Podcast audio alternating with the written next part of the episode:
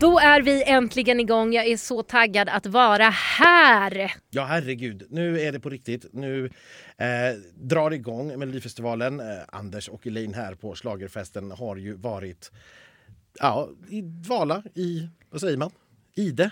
Ja, vi har ju det. Vi har ju dykt upp lite grann här under äh, vintern och äh, bjudit på äh, när artisterna släpptes och sådana saker för all del. Mm. men generellt så har vi ju legat i ide.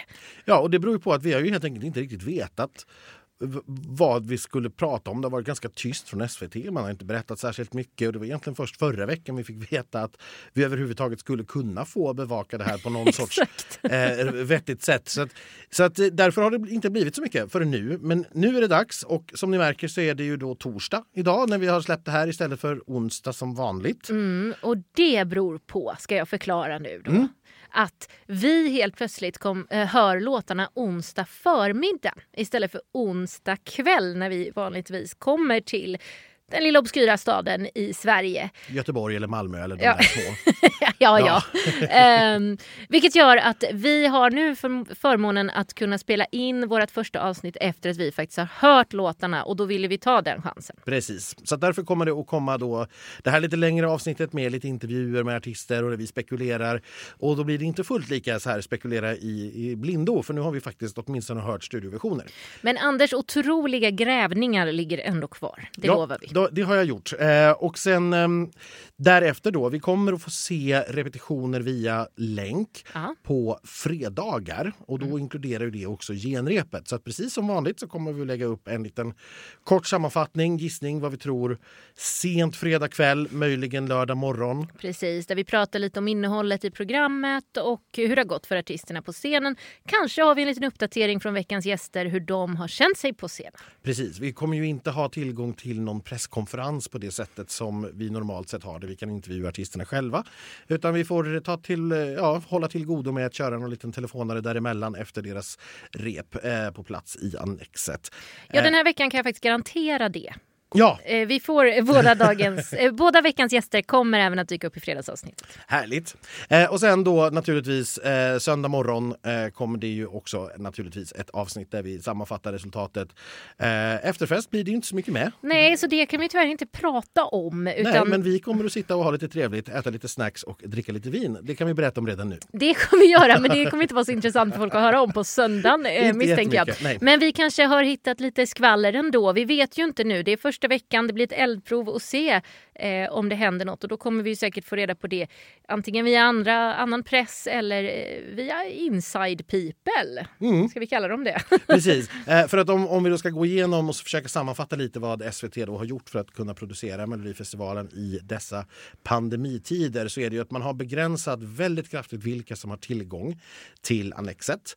Eh, naturligtvis, det innebär att det i princip bara är artister och nödvändig produktionspersonal där. De som inte måste vara på plats är inte på plats. Nej, och det betyder att teamen, alltså artistteamen har ju skalats ner något otroligt också. Det är i princip bara tävlande artist själv, eh, eventuella körare och dansare och de liksom närmast sörjande till artisterna. Låtskrivare och, och liksom hangarounds höll jag på att kalla dem. Det är ju ingen som är, men, men de kommer inte vara där. Nej, och även teamen kommer få hålla sig väldigt mycket för sig själva. Det blir inte tal om att mingla med andra. Nej, de sitter eh, i bubblor har jag hört. Precis så. Mm. Artisterna bor på hotell och eh, det finns naturligtvis möjlighet att eh, testa och sådana saker eh, ifall någon har umgåtts med någon smittad. Eh, det är också munskydd och visir som gäller så vitt jag förstår när man vistas i lokalen förutom då när man står på scen scenen. Ja. Eh, och eh, man har små taggar på sig som håller avståndet åt en. kommer, man för, kommer man närmare än en och en halv meter så kommer de att börja pipa och vibrera så mm. att man blir påmind om att ta ett steg tillbaka. Och det här gäller även de som står på scenen, det vill säga även dansare och andra kommer att hålla en och en halv meters avstånd. Men tydligen har man slopat regeln om att artisterna måste göra det. För jag ja. hörde ju först att även artisterna, även om de är i samma grupp, skulle behöva göra scenshowerna efter det här. Och det, så var det, men det kom man fram till att det, de umgås ju ändå så nära hela tiden. Precis. Så det fanns ingen Detta rimlig mening. Samma Tobbe familj. Ek, Tobbe Ek för uh, i Aftonbladet att uh, ja, så blir det inte. Så att på, på, på um, Arvingarnas rep, till exempel deras torrrep, så kunde vi se att nej, men de stod betydligt mycket närmare än en och en halv meter. Ja. Och det är väl rimligt och vettigt att, så att säga, grupper måste ju kunna betraktas som som en grupp. Annars blir det väldigt konstigt. Ja, lite märkligt eh, Ja. blir det. Eh, jag är lite besviken att det inte är elchocker i de här eh, sensorerna. Det vet vi ju ingenting om. Men jag kan tänka mig, Spännande dansnummer. jag kan möjligen tänka mig att Arbetsmiljöverket hade haft vissa synpunkter på det. Ah, ja, det var därför det röstades ner. Jag förstår. Eh, annat som vi kanske också då behöver prata om. Ja, dels har ju vi tagit upp då det här med bidrag nummer 1000. Och här har jag varit i kontakt eh, med eh, Gustav Dalander på SVT som har hjälpt Stjärna. mig. Ja, riktig stjärna. Riktig stjärna. Och trogen lyssnare till oss. Så hej Gustav! Eh, jag fick se hans Excel som han har räknat ut detta i och eh, som han också har stämt av naturligtvis med fler personer att det verkar rimligt och rätt. Och det man har bestämt sig för är helt enkelt, om ni kommer ihåg det här jättelånga resonemanget jag hade sist, att man räknar de bidragen som deltog 59 och 60 men som vi inte riktigt vet vilka de är. Men i övrigt räknar man inga som så att säga inte har tävlat och framförts i Melodifestivalen. Och då landar vi på att eh, bidrag nummer 1000 i Melodifestivalens historia blir Val featuring Sami. Och då räknar man alltså inte till exempel Lilla Stjärna för den tävlade inte utan den blev utvald. Ja. Och inte Anna Bok. Nej, Eller Kärlek och pepparrot. exakt så. Ja, bra, då var det fint utrett och då får vi helt enkelt rätta oss efter det även om jag kanske hellre hade sett att det var The Mamas som var bidrag 1000. Det kanske hade varit roligare på något vis med förra årets vinnare men jag, som sagt, det finns jättegoda argument för att räkna på det här sättet så jag har inga, inga Men- protester. Jag tänker inte gå i polemik kring det. Känns det som att man inte brydde sig så mycket när man satt Alltså, inte så här, alls. man tog inte, Inte alls. hänsyn Nej, till det när man alls. satte startfältet alls. Det är lite tråkigt. Ja, fast varje program är trots allt viktigare än någonting lite påhittat. Sådär. Ja, det, det, det, det köper jag helt och Du hållet. köper det. Jag skulle vilja ta en diskussion med Karin och Kristin. Ja, det, får, det får ju bli någon gång efter pandemin för då kommer vi naturligtvis inte heller få träffa. Attas. Ja. Eh, det glunkades lite grann om också på Melodifestivalens Instagram för någon månad sedan att man också skulle göra om röstningsreglerna i ett väldigt kryptiskt eh, budskap man la ut på Instagram. Det här visade sig att det var inte sant, så det har man inte alls gjort. Nej men gud, varför sa man det då? Ja, det får du ju fråga någon på SVT om. Det- Det verkar vara lite hipp och happ i vissa delar av den här organisationen faktiskt, får jag erkänna. Ja, ja, eh, ja. Ja, eh, det är, så här, det, det är jättesena besked. Det är, ja men det är väldigt- sena, eh, vi ska ju då kunna live följa digitalt med bilder och sånt och det, det är lite segt. Det är det. Ja, precis. Det, och, och sen... Jag vill inte vara kritisk så kanske, för jag förstår att det kanske är kul för en del. Men alltså, om, om Instagram lägger upp en nyhet om att nu ska vi ändra röstningsreglerna så måste man ju göra det också. Man kan inte liksom bara, nej, det där, det där la vi ut bara på skoj. Eh, Eller och- oj, det var fel. Sorry. Ja, nej men, och den här sortens saker, det glömde jag nämna tidigare med, med ehm, eh, coronaanpassningen här. Man har ju max sex personer på scen mot tidigare åtta. Ja, men det förklarades ju med att man ska kunna skicka det till Eurovision för tävlan. Ja, precis. Det ska vara Eurovision klart därför att vi kommer att spela in, förmodar jag, direkt efter finalen eller dagen efter eh, det videoinslag som då kommer att tävla för Sverige om man inte kommer att kunna köra live i Rotterdam. Och det, och det vet vi inte ens. Därför måste alla bidragen vara helt Eurovision-färdiga redan från början. Men det här har man inte kommunicerat utan det här har jag snappat upp. Därför att jag har lyssnat på Schlagerprofilerna till exempel som intervjuade eh, Karin. Man har Ja, inte skrivit eller pratat Jo, det om detta någonstans. Det har man faktiskt. Nu ska jag gå emot dig här, för jag satt igår och läste igenom hela eh, SVTs eh, och Melodifestivalens corona eh, anpassning. Det finns på deras pressida nämligen. Och där stod det. Det var Ah. därför jag visste det förstår du. Jag har inte lyssnat på våra frenemies utan det står faktiskt där. Men det är ju ingenting som har kommunicerats. Men om man då är som jag, lite nördig och läser allt och det finstilta, då hittar man det där. Mm. Ja, jag tycker att det är en, det är en ganska stor förändring. Ja, men det är Eh, för det. var en jättestor förändring när man gick från 6 till 8 Mm. som diskuterades väldigt mycket och nu går man då tillbaka. Och det, jag har inga problem med att man gör det, absolut inte. Men det är som sagt, det är ingen marginell förändring.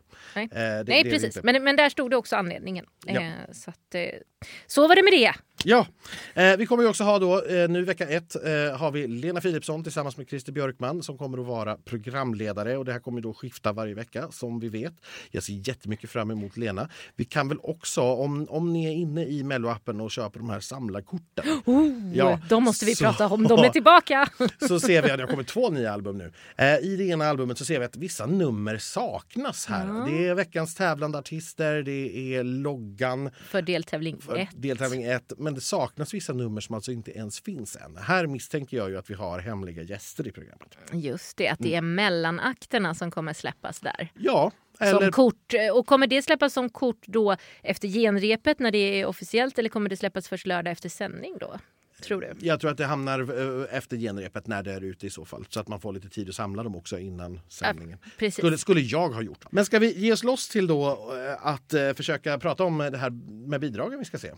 Då gör vi så. Vi åker till Stockholm.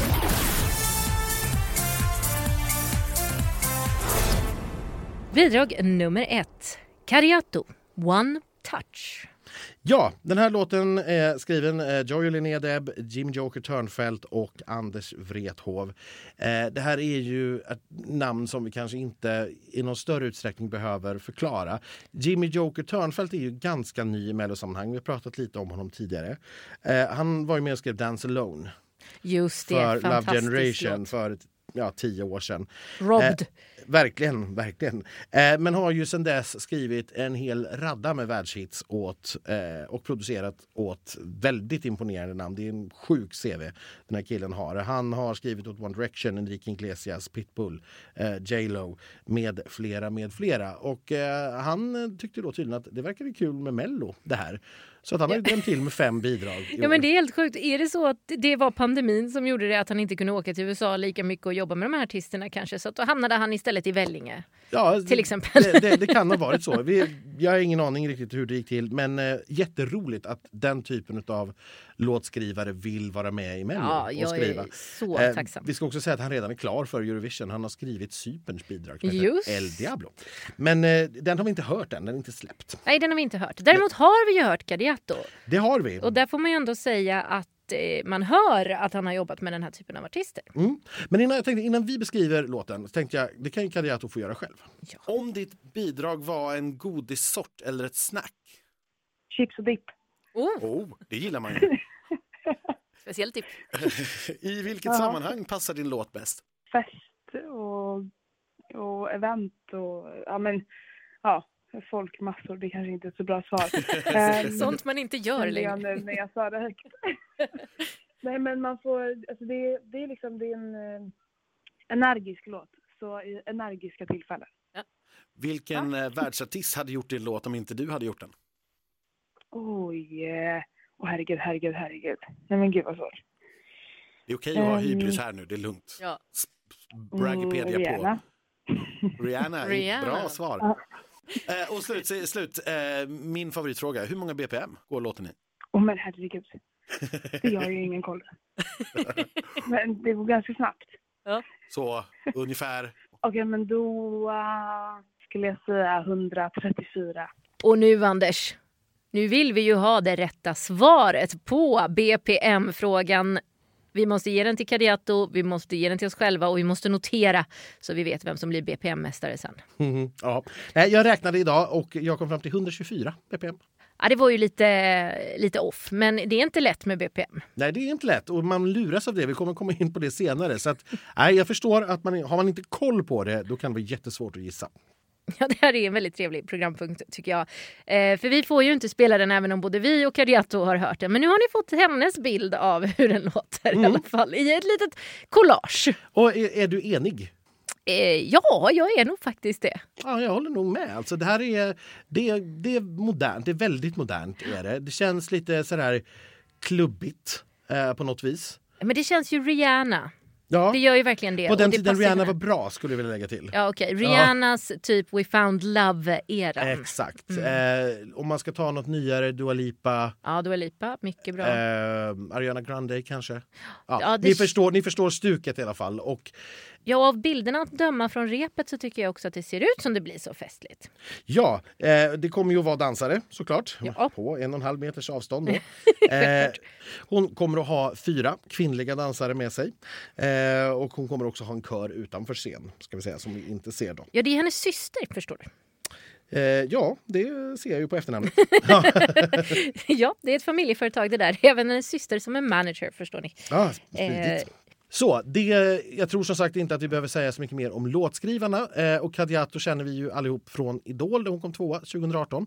Men vi har ju gjort en liten intervju med henne så att vi tänkte att vi får ja, lära känna henne lite bättre i den helt enkelt. Veckans första gäst, Kadiatou. Är du nervös? Ah, Alltså jag, jag är lite, lite så här, lite småstressad fortfarande. är det något liksom- särskilt som stressar? Alltså det är väl bara så att nu, nu håller allt det sista på att bli klart. Eh, Så det är liksom att jag är nervös och pirrig och lite stressad och superexalterad i ett och samma, en och samma känsla. Liksom. Hur går det med repen då?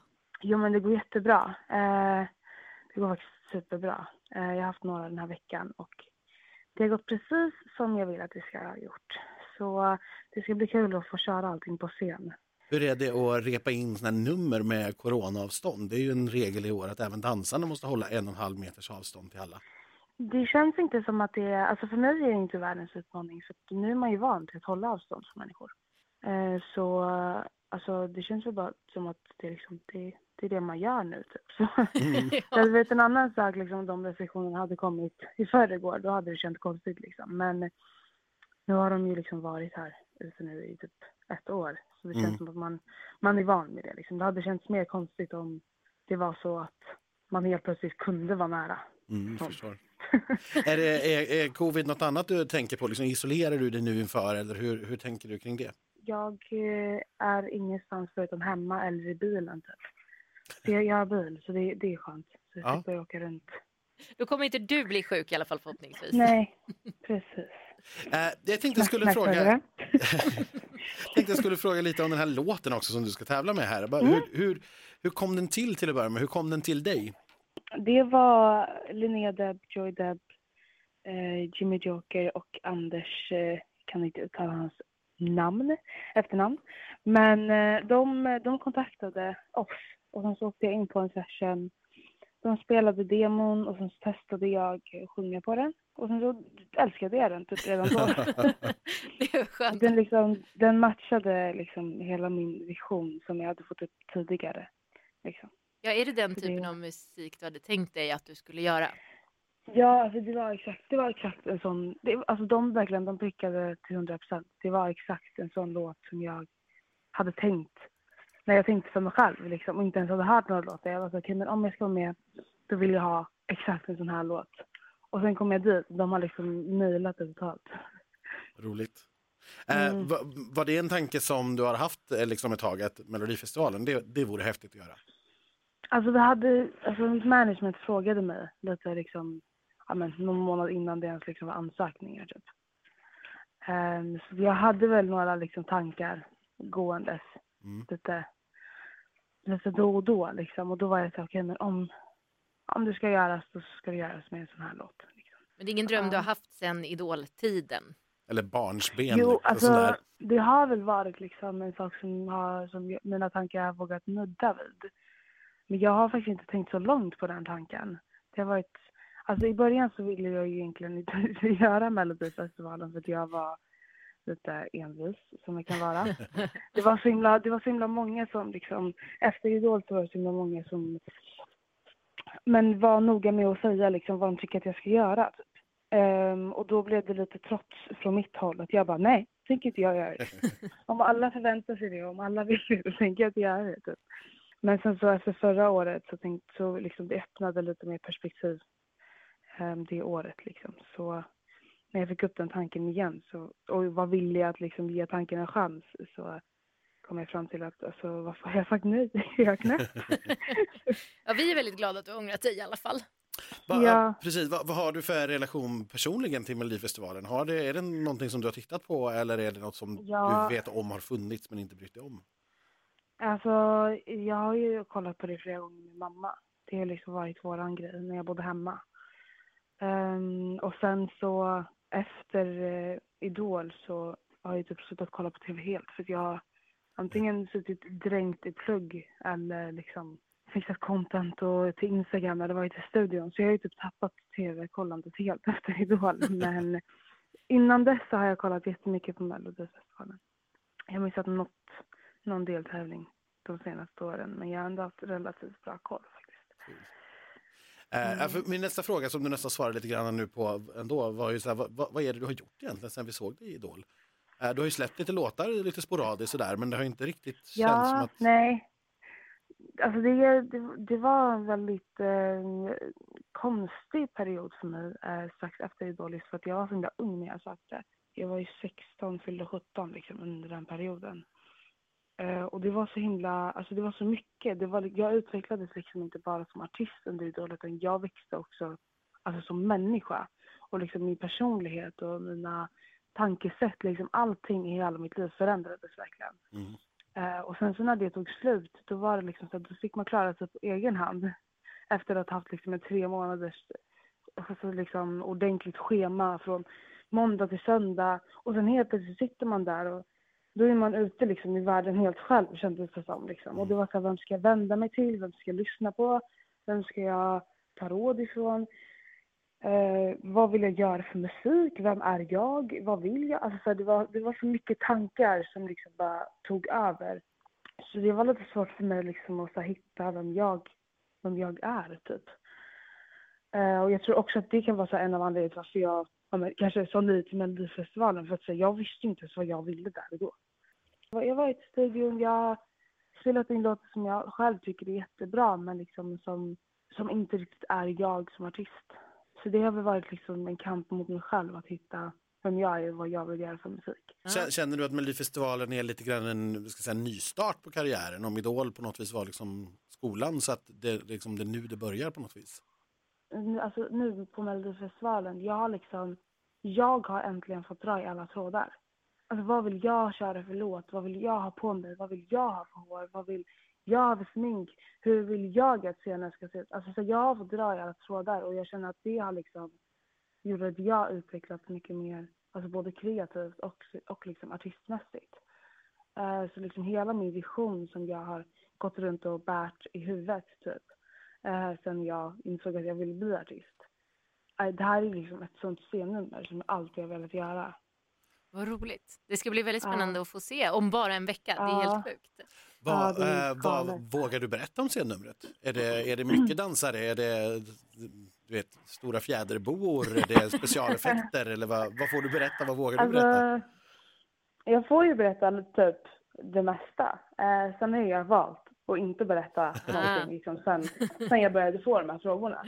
Eh, så jag tänker att nu om det bara är en vecka kvar, då tänker jag att då håller jag mig lite till. Mm. Eh, men det jag kan säga är väl att det kommer, det kommer, vara, det kommer vara ganska mycket som händer. Kan jag säga. Vad roligt. Sånt Ja. gillar vi ju alltid. Sånt gillar vi alltid. Ja. Men jag tänkte på det här med eh, att du är lite ny i Melodifestivalen. Du har ju ändå, i Idol så tävlade du ju ändå med några som har haft kontakt med Melodifestivalen. Har du någon kontakt med dem och har liksom fått lite tips av dem och sådär? Nej, faktiskt inte. Nej. Det är dags nu att Eh. ringa och fråga kanske. Det är faktiskt sant. Varför har jag inte gjort det? Det är ganska galet. Um, men, men jag känner att jag har fått så himla mycket information um, de här liksom de här förberedelseveckorna innan. Att jag och jag vet ju, alltså det är, det är inte samma produktion liksom, men det är samma typ av upplägg som Idol Ja. och Mello. Liksom. Så jag, jag litar på att det jag har förstått är. Du kanske får en chock på tisdag när du kliver in där. ja, men sen så när man, nu när man liksom ska bo på hotell och etc, etc och träffar alla, Ja. då kan man ju liksom passa på att dra någon i armen och fråga, har du något tips? Ja, du har ju några erfarna i din deltävling också kan man säga. precis, precis. Eh, Jessica Andersson har väl nästan rekord. Ja, nästan. Antal. Ja. Och, eh, hon har ju vunnit och Arvingarna har vunnit och Danny har nästan vunnit. Ja, precis. Så att, jo, Vem, vem tror du är din största konkurrent där i deltävlingen? alltså jag har valt faktiskt inte reflektera någonting som helst över en sån fråga. För jag vet att under Idol så jämförde jag mig så mycket med alla andra. Eh, och det gör så himla mycket med självförtroendet när man konstant liksom tror att det är någon som är bättre än en själv. Mm. Det låter Ehm, sunt. Så, så jag försöker att inte göra det. Så att jag, vill, jag vill bara gå upp där, för jag vet liksom att mitt nummer är som mitt nummer är. jag vet vad jag kan och jag vet vad jag vill och jag vet vad jag är bra på. Så jag går upp där och kör mitt race. Och sen så är det upp till svenska folket liksom vad de vill höra. Känner du extra press att du är först ut? Nu vill jag inte göra dig mer nervös här på något sätt, men... Alltså, det, det är en tanke som är lite oundviklig. um, men jag försöker bara vända den att säga nej, fan Kadiato, nu går du upp där på scen, du sätter ribban så högt att du kan gå av och bara lägga dig i green room och njuta resten av Gud vad det låter härligt. Ja. ja. Jag försöker trycka in det liksom tills, tills den tanken blir total verklighet. Bidrag nummer två, Lilla syster, Pretender. Mm, rocken är tillbaka. Det har väl sagts kanske en gång för mycket nu. Kul med rock. Ja, men det, jag tycker det. Det är en stor genre. Den ska vara med i Melodifestivalen och i synnerhet om det är så att säga riktig rock som folk faktiskt som rockmänniskor faktiskt lyssnar på. Ja, jag blev ju lite lurad idag måste jag säga. Jag trodde när de började spela den här låten att det inte var det och bara åh vad skönt att de är mellofierade och, och vad skönt då kommer inte rockmänniskorna ens komma igång. Men sen kom det en liten överraskning. Ja, alltså introt är ganska lugnt och avskalat och mm. kanske påminner mer om ja, eh, Nickelback. Eh, det alltså vill något, ingen bli ja, det här, Jag har som, som, som, som så många före mig sagt, som jag har läst redan, väldigt ont om rockreferenser. ja. men, men det är i alla fall så här, ja, det, väldigt snällt. Sen brötar det ju till det lite i refrängen. Ja, det brölas. Ja, eh, det growlas inte men det brötas lite. Jag tyckte nog ändå att det här var förvånansvärt bra. Alltså här fanns ju en melodi, här fanns ju någon sorts beat. Vi får ju en handklapps så här, refräng på slutet som hade gjort sig jättebra i en arena. Ja. Det är lite tråkigt att vi inte får det. Ja, men jag tyckte, alltså för att vara rock så ska jag säga att det här gillar jag. Nej. Eh, nej, du, du, inte, jag säger nej. Ja, jag, jag säger nej. Det, det, jag klarar inte bröl alltså. Jag gillar början, jag gillar handklapp, jag gillar inte bröl. Nej, nej, jag förstår. Eh, det vi ska säga, de är faktiskt albumaktuella. De släppte ett nytt album så sent som för en eh, dryg vecka sedan. Eh, som kort och gott heter Svensk jävla metal. Oj! Ja. ja, och jag har ju också konstaterat att han, en i bandet verkar vara släkt med en i Arvingarna. De var väldigt lika. De var väldigt lika. De har delar bandmedlem kanske? Nej, jag tror inte det. Nej. Nej de, men de är båda från Göteborg. De kanske är släkt. Alltså. Det är många människor i Göteborg. Ja, det är det. Ja. Jag, ska lägga upp bilden så får ni bedöma. Jag kanske, jag kanske är ansiktsblind. Eh, de som har skrivit den här låten då, det är Isak Helén, Isak Hallén, eh, Palle Hammarlund, Ian Paolo Lira som också är trummis i bandet, Jakob Redser och Martin Westerstrand som är sångare i bandet. Eh, Isak Hallén eh, var med förra året och skrev Jakob Karlbergs låt då. Eh, Ian Paolo eh, som då är trummis var med och skrev Anders Fernets Run för tio år sedan. Det är en låt som man inte har hört sedan dess. Den kom sist va? Ja, det gjorde den. Eh, det, Välförtjänt. Ja, det är inte kanske mina favoriter där. Så ska vi så. Um, Ja, ja. Eh, Jakob Redser gör debut som låtskrivare i Mello, men han har faktiskt varit med och skrivit eh, Relations som Astrid S och Felix Sandman har gjort. Nej. Jo då. Så att eh, det här är Ja, ja, men, ja, men och Palle Hammarlund är ju Palle Hammarlund. Palle Hammarlund som vi mest känner från eh, Dolly Styles bidrag. Ja. Han har varit med på fler, men framförallt eh, Dolly Styles. Ja. Och ja, Mendes Everyday måste vi kasta in där. Också, eh, med i bandet, förutom de två jag nämnde, då, är Andreas Bladini och Max Flövik. Sagt också. Nej, men jag, som sagt, för att vara rock, jag är ingen rockkille alls. Jag tyckte det här var riktigt, riktigt bra. Jag välkomnar att det här är med. Jag vet verkligen ingenting om hur starkt det här kommer att stå sig när folk röstar. Nej, det är ju en liten annan publik i år. Så att, eh, ja. Om det här blir, låten var ett bakverk, Anders. ja, men det, det, det, är någonting i väldigt många lager i alla fall, skulle jag säga. Något. Nej, men jag tänker att det, det är nog både smörkräm och grädde och något saltlakritskräm mitt i. På ja, något det är någon sån här eh, grotesk tårta. Liksom. Ja, jag tror det. Mm. Det, mm. det, skulle jag nog säga. Ja. Bidrag nummer tre. Jessica Andersson, Horizon. Gud, jag skulle kunna bli sån här speaker. Ja. Ska nog ringa Karin. Ja, får se om det finns någon plats ledig ja. nästa år. Eh, det här är Jessicas åttonde gång. Eh, hon kommer tillbaka nu efter två raka elfteplatser. Eh, 2015 och 2018. Eh, hon har ju också gjort I did it for love som fortfarande är den mellolåt som har legat längst på svensk toppslista. Den är fantastisk. I 97 veckor. Otrolig låt. Eh, den här låten då, eh, den är skriven av Christian Holmström, Marcus Lidén som låg bakom Molnljus förra året. Den här låten som jag pratade ner så mycket i förväg och sen slutade det med att jag älskade och det faktiskt var min mest spelade låt under hela 2020 på Spotify. Och jag tror att jag gjorde tvärtom. Jag tror att jag hyllade William och sen så var jag väldigt ofan av molnljus och kan ju nu bara sjunga som ett molnljus på himlen. Som ju alltså inte alls har med den att göra. Jesper Jakobsson då, han är debutant men han har till exempel skrivit en gammal favoritlåt till mig som heter True Colors som Janet Leon gjorde till Stockholm Pride något år för många år sedan. Eh, och sen har vi då ja, tungviktarna här. David Kryger 13 bidrag och Fredrik Kempe, välkommen tillbaka. Detta är hans 35 bidrag i Melodifestivalen. Ja, han är saknad. du. Ja, det är han. Och ja, ska du börja? Vad tyckte du? Jag har lite svårt att säga vad jag tycker, vilket betyder att den var nog inte så direkt för mig. Eh, jag tycker verkligen inte att det är en dålig låt, men jag tycker nog verkligen inte att det är en svinbra låt heller. Jag tycker att den låter som en eh, perfekt radiolåt. Eh, det är inte så likt Jessica. Jag tycker det är bättre. Alltså Jessica hamnar liksom med i tiden här. Den är väldigt modern. Och jag tror att den kommer lyfta otroligt av det tilltänkta numret.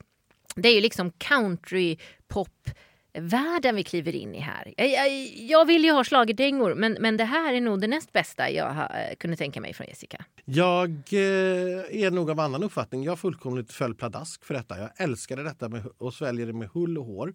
Eh, och då kan det vara så att jag hade lite låga förväntningar. För när en artist kommer tillbaka för en åttonde gång så är det oundvikligt så att man jämför med vad de har gjort tidigare. Eh, och också att kanske inte är jättespännande när en artist ställer upp för åttonde gången. Jag, man blir trots allt, oavsett vem det är på något vis, kanske lite trött på den.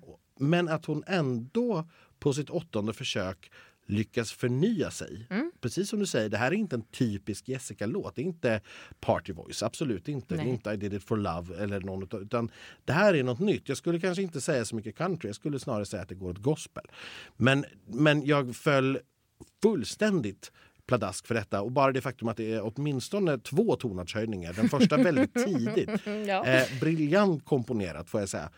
Ja, men jag, fick, jag tyckte att den var liksom maffig. Mm. Pampig. Var liksom arena-poppig på ett sätt som nästan så här förde tankarna för mig till OS-invigning. Mm. Lite grann åt det hållet. Att det är liksom trummor som går igång bak. Jag, jag föll fullständigt för Ja. detta. Och jag kan mycket väl tycka, precis, alltså, eh, jag kommer nog älska, alltså det, jag kan nog älska det här på lördag. Tror jag. Jag tror bara att där jag satt framför en dator vid mitt skrivbord så föll inte jag för det. För att jag hade ingen stämning.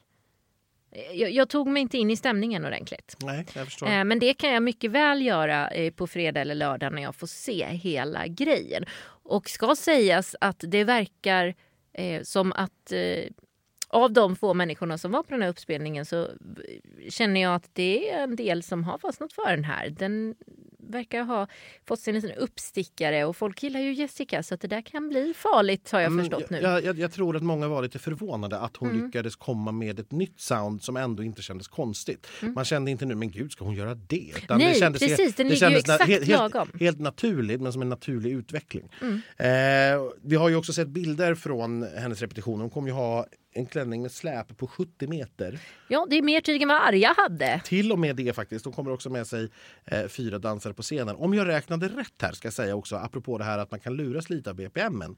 Eh, om jag räknade rätt så är den här i 95 BPM. Vilket ju är väldigt, väldigt långsamt egentligen. Men det var inte alls känslan man fick när man lyssnade på låten. Vi fick inga BPM på lilla syster, men det var ju typ sju olika. Så att... Nej då, det är 160 räknade jag den till. Jag glömde bara säga det. Ja, 160. ja, Då är den snabbast hittills. ja eh, den går undan. Det säga. går undan. Hoppas det går snabbare än tre minuter.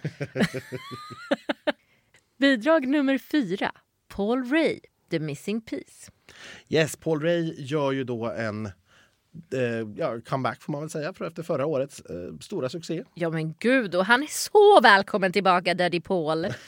ja, för nu kan vi kalla honom Daddy. Jaha då. Men som sagt, vi, innan vi, det här är också då en person som vi har pratat lite med därför att vi tycker så mycket om honom. Ja. Eh, så att vi, innan vi berättar om låten så får Paul göra det själv. Om ditt bidrag var ett bakverk, Oj, om så här metaforiska frågor. Okej, Ja. okej. Jag var inte alls beredd på den. Ehm, Okej, okej. Om det hade varit ett bakverk. det hade varit en sån eh, Pavlova-bakelse. Liksom, ser ut som en grej och sen så boom, från ingenstans har den annan textur än vad man förväntade sig. Den är annorlunda smakmässigt än vad man kanske trodde. Och Pavlova. I vilket sammanhang passar din låt bäst? Alltså ärligt talat nu, det passar bäst till mig. alltså, nej men liksom, för den börjar intimt och sen växer den stort och den, alltså, den gör sig väldigt fint med någonting visuellt till. Så, så att den, den hade passat både bra till eh, och, så, den, ja, den är så dynamisk av sig så att det är inte så när man vill ta ett bad och relaxa och tända ljus utan nej, det, då, då blir den för ösig för det. Och samma sak med middag så blir det liksom så, åh, den blir, den är ganska ösig ändå. Alltså, så att, eh, men den börjar lugnt. Så att, ja, alltså Mello gör den så väldigt Ja, bra. live i alla fall kan vi konstatera. Live. Ja, och nu är du där den ska vara, så det var väl bra då. Ja. Eh, vilken världsstjärna skulle kunna göra din låt om inte du gjorde den? Oh, oh, eh, wow. Uh, Louis Capaldi säger vi då.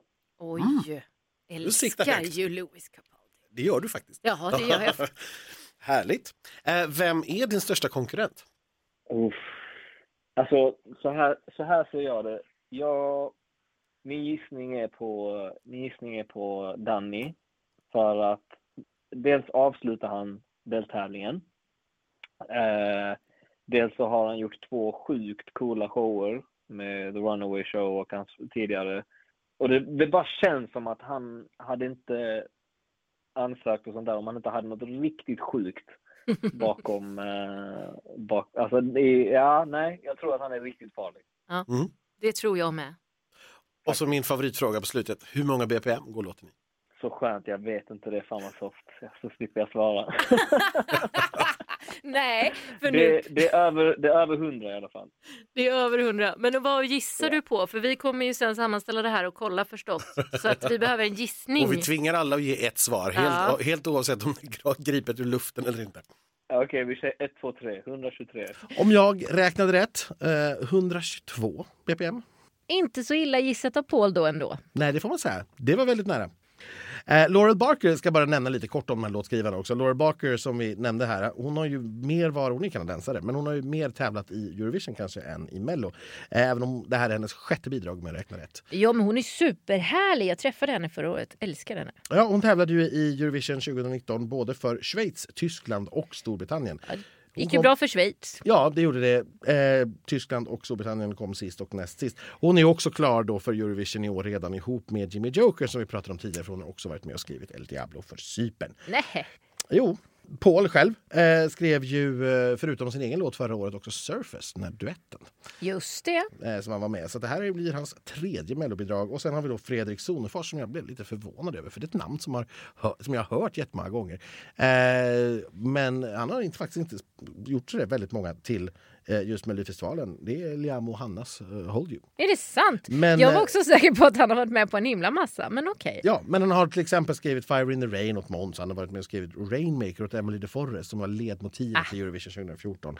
Eh, skrivit åt Norli och KKV och så vidare. Ja, och så han har varit inblandad, men inte riktigt som bidrag, tävlande bidrag. Nej, precis.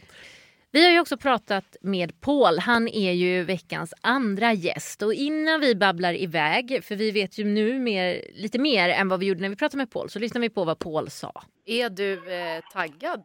Ja, eh, men alltså, lite halvt overkligt är det på riktigt nu. Alltså man jag har varit hemma i lägenheten så mycket sedan förra Mello, för det var ju då corona eh, smällde till ordentligt i Sverige. Och liksom, det har, alltså, vardagen är så...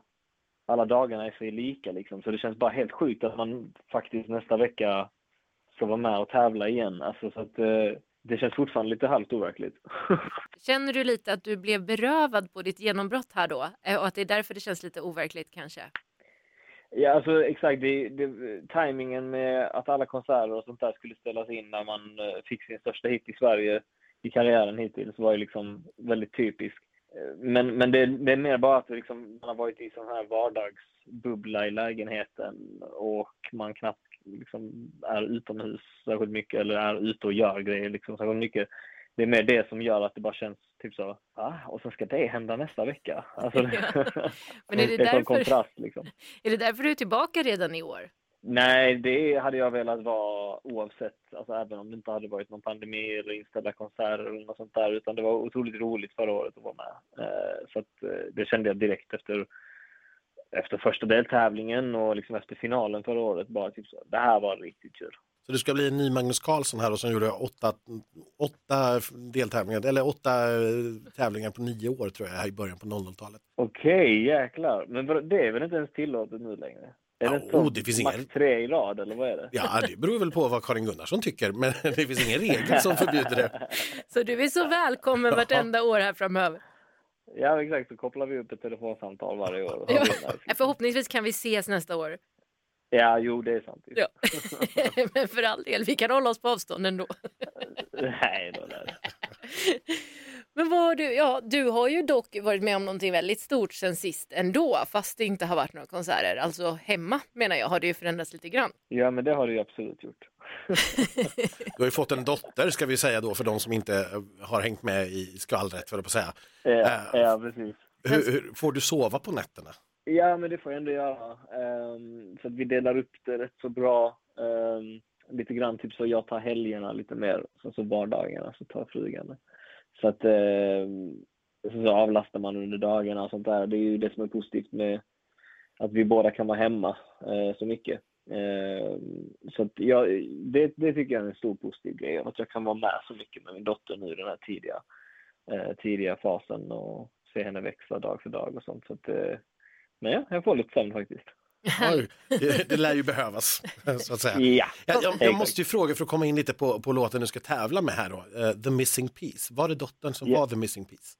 Ja, precis. Det är hon som är inspirationen bakom den låten och uh, det, det, är det hela låten handlar om. Liksom, vi skrev den nu i somras när uh, hon fortfarande var i magen och det är vårt första barn så det var mycket så här känslor, starka känslor för mig om att bli förälder och tankarna inför föräldraskap och att få barn och så det skrevs ju mycket musik då kring, kring de känslorna och The Missing Piece är en av de låtarna. Härligt. Skrevs den här låten på, på något camp utan något slag eller var det något annat som hände vid sidan?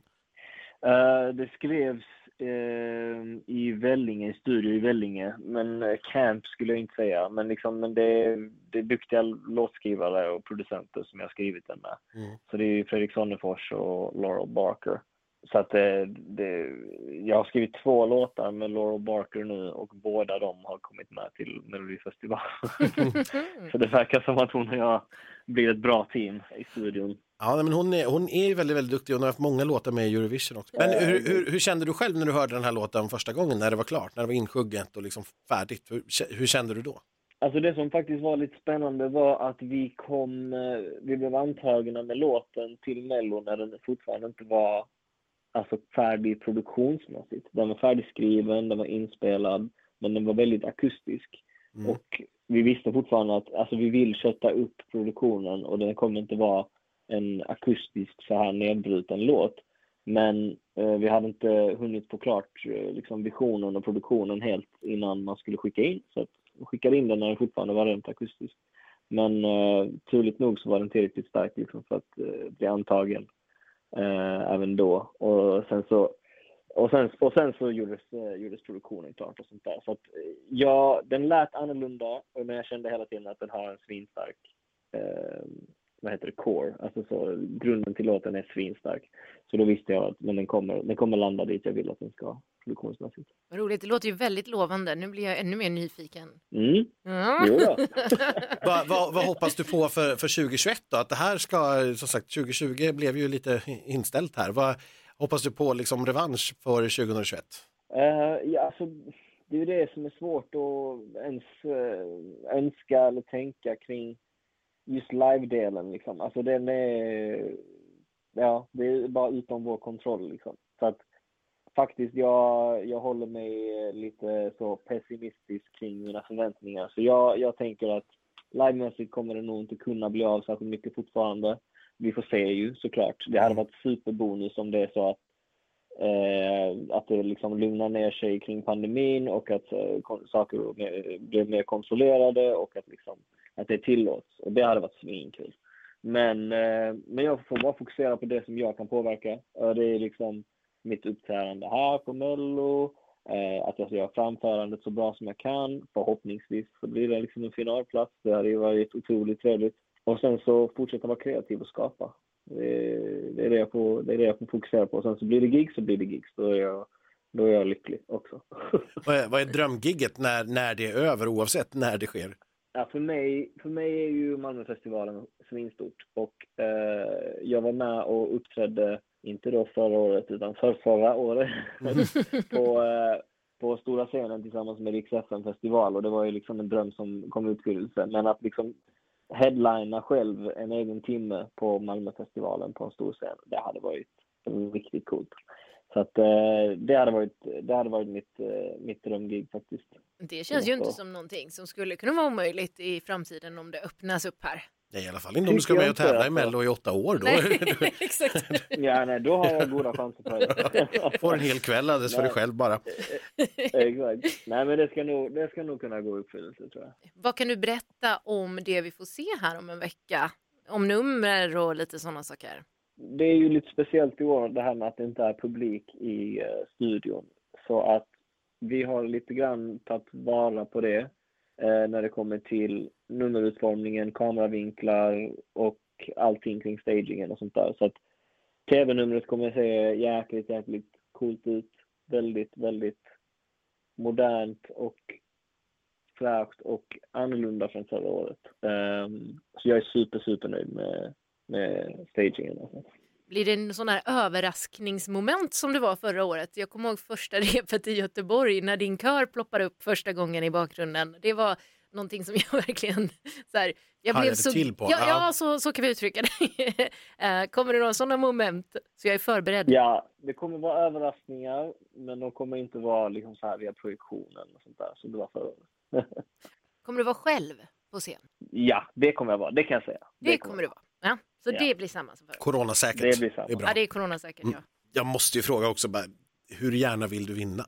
Jo, men väldigt gärna. Det hade varit otroligt häftigt. Eh, jag tycker att numret och låten eh, är väldigt, väldigt starkt och det hade gjort sig väldigt bra också internationellt och till då Eurovision om det är så att man hade vunnit Melodifestivalen. Så det hade varit en stor ära och det hade varit sjukt coolt. Så att, eh, väldigt gärna. Är du en vinnarskalle? Ja, det är jag, men det är liksom, det är liksom lite svårt det här kring musik och tävling och sånt där och det är inte upp till den själv utan det är röstning och sånt där. Så att på det sättet så, så kan jag, jag försöker se det inte så mycket som en tävling utan jag är mer vinnarskalle i att verkligen eh, få min vision och komma dit jag vill att den ska vara, känna mig helt 100% nöjd, lite såhär perfektionist-vibe på, den sätt, på det sättet. Så grejer jag kan, alltså, grejer jag kan påverka, där, där blir jag vinnarskalle. Men eh, faktiskt så, jag kan inte riktigt se det som, eh, som tävling. Liksom. Jag hoppas att jag kommer till final, men så, det är inte upp till mig så att vi får se. Vi håller tummarna bara. Men du har sparat en plats i bokhyllan för en sångfågel? Ja, det finns väldigt fin plats här i vardagsrummet. Eh, det, den hade gjort sig fint. Kanske på pianot. Det hade varit ja, oh, gud vad härligt det lät. Det hade varit fint vi vet ju nu lite mer också då om eh, själva numret som mm. Eh, Paul Ray kommer att göra. Eh, det kommer ju vara lite avskalat. Eh, det kommer att vara en hängande mikrofon. Precis, och så vad jag förstår en del väggar som ska pusslas ihop till någon form av rum eller eventuellt dras isär.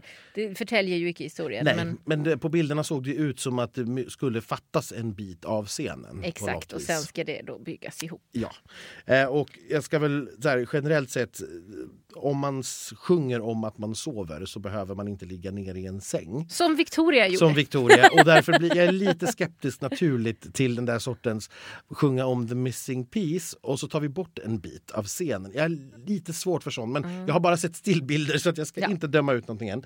Och ja, du får, du får börja igen här. Vad, vad tyckte du? Jag älskar den här. Jag fullkomligt älskar den här. Eh, det är ju my cup of tea så in i bomben ska sägas. Så jag älskar, älskar, älskar. Eh, kommer definitivt vara en, liksom min favorit. Eh, men eh, ja, lite osäker på om jag kommer få bli besviken. Tyvärr, inte för att Paul inte är bra men för att startfältet är starkt. Och låten är ju inte en talking in my sleep. Den är inte lika direkt. Liksom. Eh, men den är väldigt snygg, den precis som man säger, den bygger lite den är otrolig, men jag vet inte. Ja, nej men jag, ja, jag håller med dig i stort. Det här är, det är verkligen en riktigt, riktigt snygg poplåt som, som växer. Jag förstår precis vad han menar när han säger att eh, Louis Capaldi skulle kunna eh, sjunga den. Men med det sagt då, jag tror faktiskt att den här kan få det lite svårt därför att precis som du säger, den är inte, den är inte direkt. Det sker inga explosioner i denna. Eh, den avslutas till exempel väldigt, väldigt avskalat. Istället för att kanske liksom explodera i slutet så har den snarare liksom tonat ner ytterligare då i slutet. Så att Nej, jag, jag tycker också att den är väldigt, väldigt bra men det är någonting som lite grann sitter i vägen för mig för att riktigt connecta till den. Jag Eh, tror... Jag, jag hoppas såklart att det förändrar sig när man Mm. jag ser det live.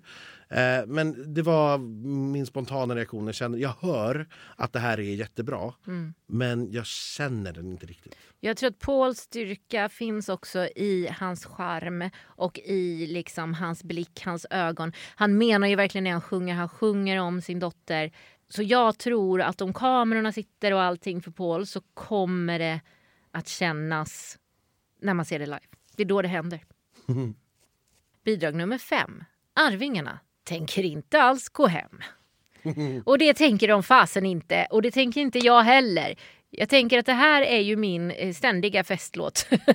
det är den som går på när de vill stänga. Alltså, det här var ju nästan löjligt trallvänligt. ja, nej, men alltså, först när jag började lyssna på den så kände jag fasen den är inte en, den är inte en I do. Skit också. Och sen kommer refrängen och så bara jo. Ja, men det, och, och säga utmanar alla där hemma att försöka och inte sjunga med i andra refrängen. Ja. För så, så lätt är den, så Ja. hårt sätter den sig. Och, den, är, den går 132 bpm eh, om jag räknar det, vilket är perfekt för det innebär att det går alldeles utmärkt både att dansa bugg och foxtrot till. Nej men vad härligt. Från den gamla tävlingsdansaren. Det är ju nästan som om någon har tänkt på det. Nej men tror du? Nej, man vet ju aldrig. Vi, vi ska, jag måste få lägga in det här med introt. Det Ja. finns ju en, en melodislinga och ett intro i den här som är otroligt eh, stulen dock. Eller lånad hur man nu vill kalla det. Och inte för mycket då för då skulle ni inte få tävla. Men, men det känns igen. Ja, precis. Nej, men, det och, och, och det här bitet går ju liksom igenom låten på Ja. något vis och så får ni en ganska bra känsla för hur, hur det här låter. Eh, bakom det här bidraget står det ju, ja det är ju inte tråkiga namn va? Det är väl bara mellovinnare, visst är det så? Ja, det, det är det. Eh, Stefan Brunsell var ju i och för sig inte mellovinnare som kompositör. Men han var ju med i Friends som Just det, vann och just det. tävlade. Eh, däremot har han varit med och skrivit Livet på en pinne åt Edvard Blom. Jösses! Nej, men vi har Nanne Grönvall som har 14 bidrag och som ju har vunnit. Eh, vi har Bobby Ljunggren med 55 bidrag och fem vinster. Eh, och Thomas Gesson, den som har skrivit allra flest låtar till Melodifestivalen någonsin. 62 bidrag, därav tre vinster. Det här är sjätte gången som Arvingarna nu är med och tävlar. Ja. Eh, och nej men jag, jag håller helt med, det är inte en I do. Och jag har lite svårt att säga om det egentligen är bättre eller sämre. Jag kan bara säga att det här var nog mer, mer dansband, får jag säga så? Det, det, och Det var väl- det, Och det det menar var jag det. verkligen Mer på, dansband bra, än på det pop. bästa sättet. Ja. Liksom. Det kändes liksom genuint att det här, är, det här är tänkt att folk ska dansa Mm. och ha kul till. Nej men och precis så känner jag med. Jag tycker inte det var varken bättre eller sämre än I do. Men det är inte en I do. Nej. De är, de är lika bra fast de är olika. eh, olika. Eh, Och som ni hör nu då så vi, vi, ja, vi, vi tycker ju att nästan allt här är bra och det förstärker ju bara Det verkligen är det ju här så. Att, ja, det förstärker bara. Det här är en, det här är en löjligt stark första deltävling. Det var mitt första intryck av detta. Jag kan inte förstå hur tre bidrag härifrån ska tvingas lämna tävlingen. Exakt Det är så. Vi kommer att tappa någon som hade förtjänat minst en andra chansen-plats. absolut så. Men vi är inte klara med det än. Nej, det Eh, är vi ju inte. Nej, det är vi inte. Vi skyndar på till melodin med sex. Nathalie Brydolf, Fingerprints. Ja, Nathalie Brydolf, hon är 25 år. Vi känner igen henne från Idol Och Bachelor. och Bachelor. Som, som, ja, som vi snart kommer få höra att Paul Ray också gör. Ja. Här har vi återigen Laurel Barker med på upphovssidan. Eh, och henne har vi ju redan pratat om. Vi har Anna-Klara Folin som var med i Fame Factorys första säsong. Eh, hon var med och skrev Storbritanniens eh, bidrag 2019 ihop med John Lundvik till exempel.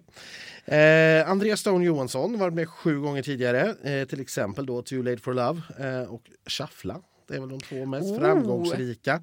Men det Eh. ska Nathalie inte göra vad jag förstår. Nej, eh, jag ska bara säga om Andreas Stone Johansson också eh, att han har över 40 eh, japanska och koreanska listettor. Var han med på Guld och gröna skogar då kanske? Nej, det var han inte. Nej. Eh, dock var han faktiskt också med i Fame Factory, vilket är mer än vad jag kommer ihåg. Men han var i i säsong fyra. Där Det är inte han fram. som är Andreas Johansson som sen blev Andreas Fernet då? Nej, det är det inte, för det var inte fjärde säsongen. Nej. Nej. Eh, Etta Selmani finns också med på upphovet här. Eh, som vi, ja, det är tråkigt att säga, men hon är väl mest känd för att vara Sofie Selmanis dotter. Hon har ju eh, släppt låtar själv och eh, vi har skrivit om henne, eller pratat om henne. Ja, och jag har faktiskt haft en av hennes låtar på min playlist i typ två år. Och för mig är hon ju mest viktig för att jag gjorde min tatuering på hennes releasefest. Så är det faktiskt. Ja, Så hon kommer alltid vara i mitt liv liksom.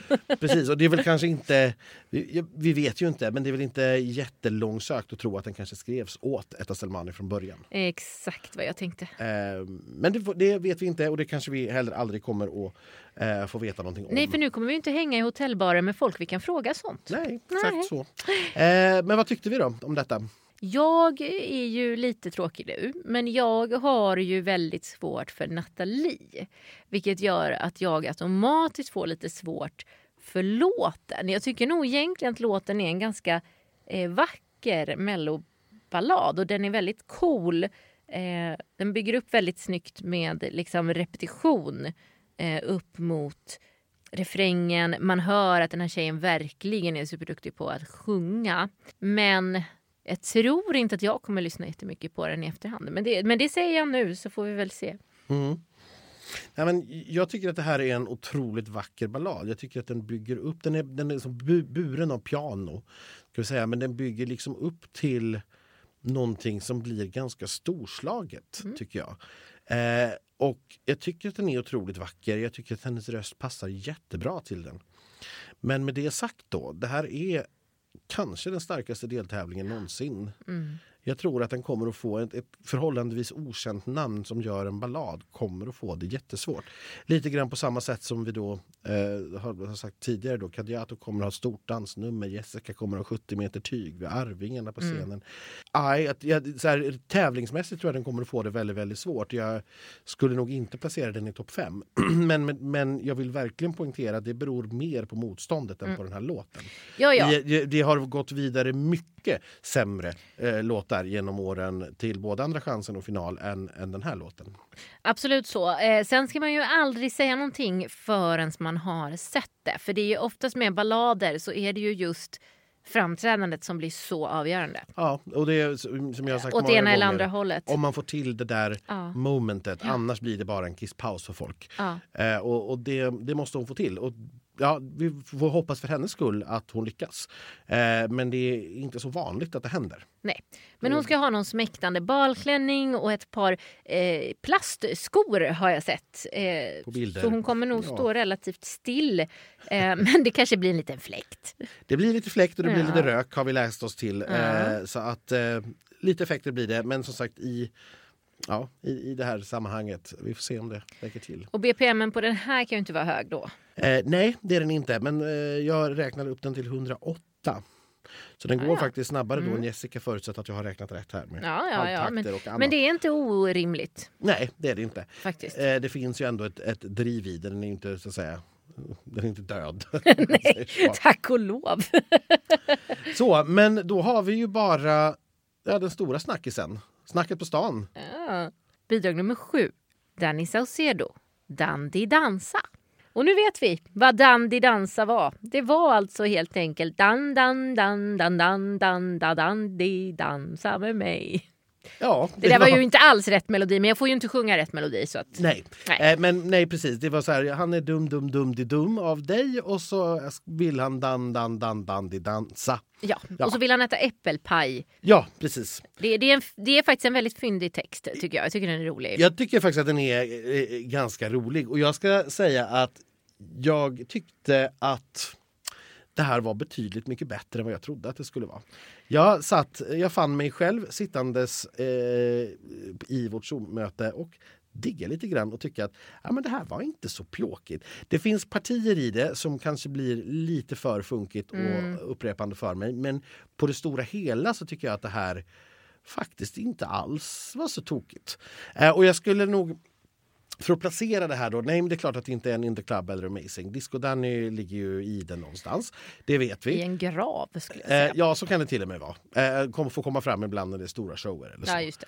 Och ska, men ska vi placera honom i, eller placera det här i, i liksom mer moderna Danny? Jag skulle säga att den ligger ganska nära snacket på stan. Ja, det är ju den I- som den är närmast skulle jag I, säga I också. stil och känsla. Annars så kan vi jämföra den med eh, Bruno Mars, Justin Mm. Timberlake. Lite mer så, ja. Ja. Precis. Eh, liksom lite, lite discofunkigt, eh, absolut, med en text på svenska. Eh, men jag tror, det finns ju en egenhet med det här numret som gör att jag tror att numret är själva grejen här. Och, och det är att det bara kommer att vara 17 kameraklipp. Just det, det var det ja. Och 17 kameraklipp på, På tre, tre minuter, minuter. det är nästan ingenting. ja det är ju, vad, vad har ett eh, random bidrag? Vi behöver inte dra till med så här Oscar Zia som hade 300. men vad har ett vanligt? men alltså 40 till 90. ja. kanske upp mot 120. Men ni förstår, alltså 17 stycken på tre minuter. För det är ju precis, även då precis i början när vi liksom först ska ha närbild och sen ut på hela och sådär. Där går några klipp. ja. Så att i princip kommer ju hela det här numret vara på en kamera på samma ställe. Och vet du vad jag tror då, Anders? Nej. Då tror jag att det kommer röra sig en himla massa på scenen istället. Alltså Exakt. inte bara dansmässigt utan att man kommer göra någon illusion på något Pre- sätt. För ja. det är ju Danny väldigt bra på i sina shower och sådana Ja, där saker. och vi har sett på stillbilden att det finns en massa lådor. Kartonger. Ja, kartonger och det finns också beskrivet i, i, i numret att det är dansare som kommer att flytta på de här kartongerna fram och tillbaka. Och det låter ju inte så spännande. Men jag är, ganska, liksom. jag är ganska säker på att det här kommer att bli skithäftigt. Och när då, när då låten ändå var på en nivå som jag tyckte var bra så finns det, det finns ingenting som rubbar honom här. Det, fin, det finns inte en suck Nej, att, han, att han inte eh, förmodligen vinner den här deltävlingen men åtminstone går direkt till final. Nej, nej, och det, där säger jag inte emot dig. Däremot är inte jag ett lika stort fan av låten. Ska jag bara gå på låt så är det här min femma. På riktigt, det är inte alls... jag gillar ju snacket på stan, eller jag gjorde, men det här... Jag tycker det här blir lite smörjigt alltså. Jag, jag, jag tycker det. Och, så, så, så, och jag är ju mer för liksom schlagerpop eller ballad eller Arvingarna låtmässigt eh, generellt. Så att, men, men med numret så förstår jag att jag kommer fortfarande tycka att det här är superhäftigt och Danny är en så proffsig artist och att han är ostoppbar, det, nej, det, det vet ju jag också. Men får jag tycka Ja, det är det så, vi är till för. så tycker jag inte det. Men det är klart, jag tycker väl att han och den ska vara i final. Han och den, den numret alltså. Han, han får ta sina flyttkartonger och... Ja. ja. Det vore konstigt att ha en final utan den otroliga showen som jag tror att det kommer bli. Så att, eh, men ja, rent låtmässigt, nej. Nej, Nej, och som sagt, alla ju, allt kan ju inte vara allas påse hela tiden. Jag ska säga att den här räknade till 114 bpm, så har jag sagt det också. ah, bra, då Ja. behövde jag inte fråga. Nej, den här gången behövde du inte. Eh, nej, men eh, ska vi försöka oss på någon sorts tippning här då? Ja, Jag tror eh, faktiskt att jag kanske ändå ändrar mig lite grann.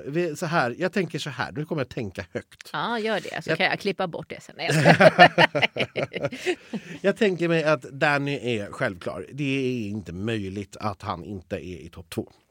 Från andra hållet tänker jag mig att jag tror att Nathalie, jag kan inte se ett scenario där hon inte liksom blir sist. Vilket är så jäkla orättvist. Vem har gjort den här uppdelningen? Och som sagt, jag vill verkligen vara tydlig med det. Det handlar inte alls om låten utan det handlar om motståndet. Ja. Däremellan, jag tror att den andra finalplatsen är det Arvingarna och Jessica som gör upp om. Eh, och sen har vi då däremellan lilla syster Kadiatou och Paul Ray som ska slåss om den sista Andra chansen-platsen. Och att två utav dem måste lämna tävlingen är så fruktansvärt orättvist. Ja, jag säger ju att den som har gjort de här Eh. deltävlingsuppdelningarna har gjort fel. Ja, här, vi, vi vet ju det båda ju gott om, om de övriga håller den här klassen, så kan vi väl säga. Men eh, jag, jag landar nog... Jag tror att jag ändå landar i att nej, rocken håller inte. Den är nog inte tillräckligt bra.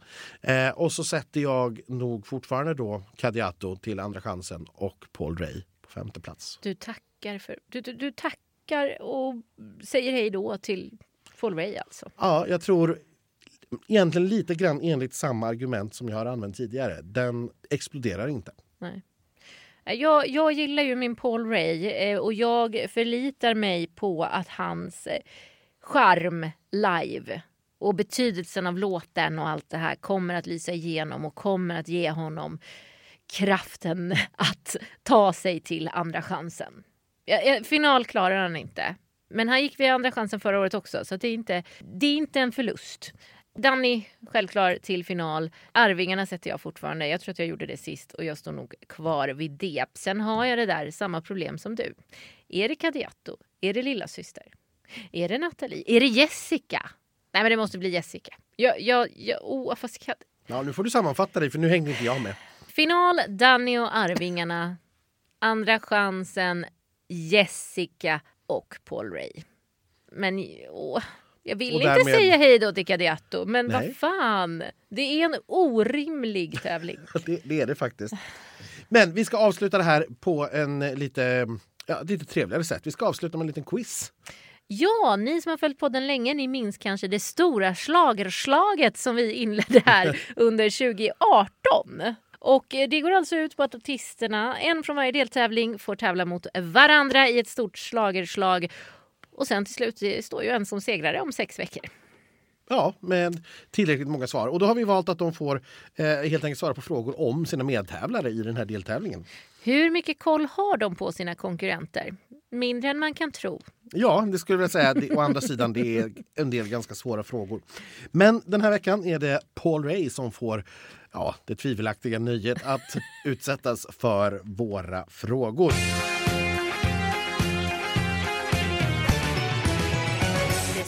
Stora slagerslaget! Vi börjar med att fråga vilken placering Kadiato fick i Idol. Hon, eh, hon vann väl? Nej, vann inte hon? Ja, Det är du som ska svara. Ja, men hon, hon vann väl? Kadiato vann väl idag? Alltså, det tror jag. I alla fall, hon var i alla fall finalen, det vet jag. 100 procent. Antingen två eller ett, men jag tror hon vann. Lilla syster har gjort en låt till ett hockeylag. Vilket då? Från Göteborg va? Oh my god, så kan jag inte hockeylag. Jag har ingen koll på hockey. Eh, vi säger Red Hawks bara för att det är Malmös lag. Vi säger det. Jag kan inte Göteborgs lag, så det blir Red Hawks.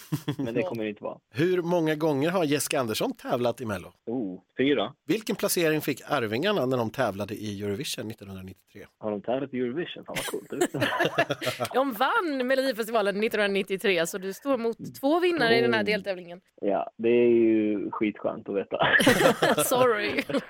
Varsågod för info. konkurrens. Ehm, de slutade de slutade sjua säger vi. Sjua kom de. Vilken annan dokusåpa vid sidan om Idol har Nathalie Brydolf deltagit i? Ja, det är den uh, batch, Bachelor. Och så slutfrågan, heter Danny Saucedo Danny Saucedo? Ja. Vi tackar för din medverkan. Nu ska vi se Nej, hur det nu, gick. nu får jag Ja, svar. absolut. Nu får du svar. Eh, Kadiatou var mycket riktigt i final, men hon var tvåa. Nej. Eh, och eh, Frölunda heter det stora hockeylaget i Göteborg. Frölunda såklart. Eh, Jessica Andersson har tävlat sju gånger i Mello. Det blir Ja, det åttonde var nu. nästan fyra. Däremot, Arvingarna kom faktiskt sjua i Eurovision. Hej!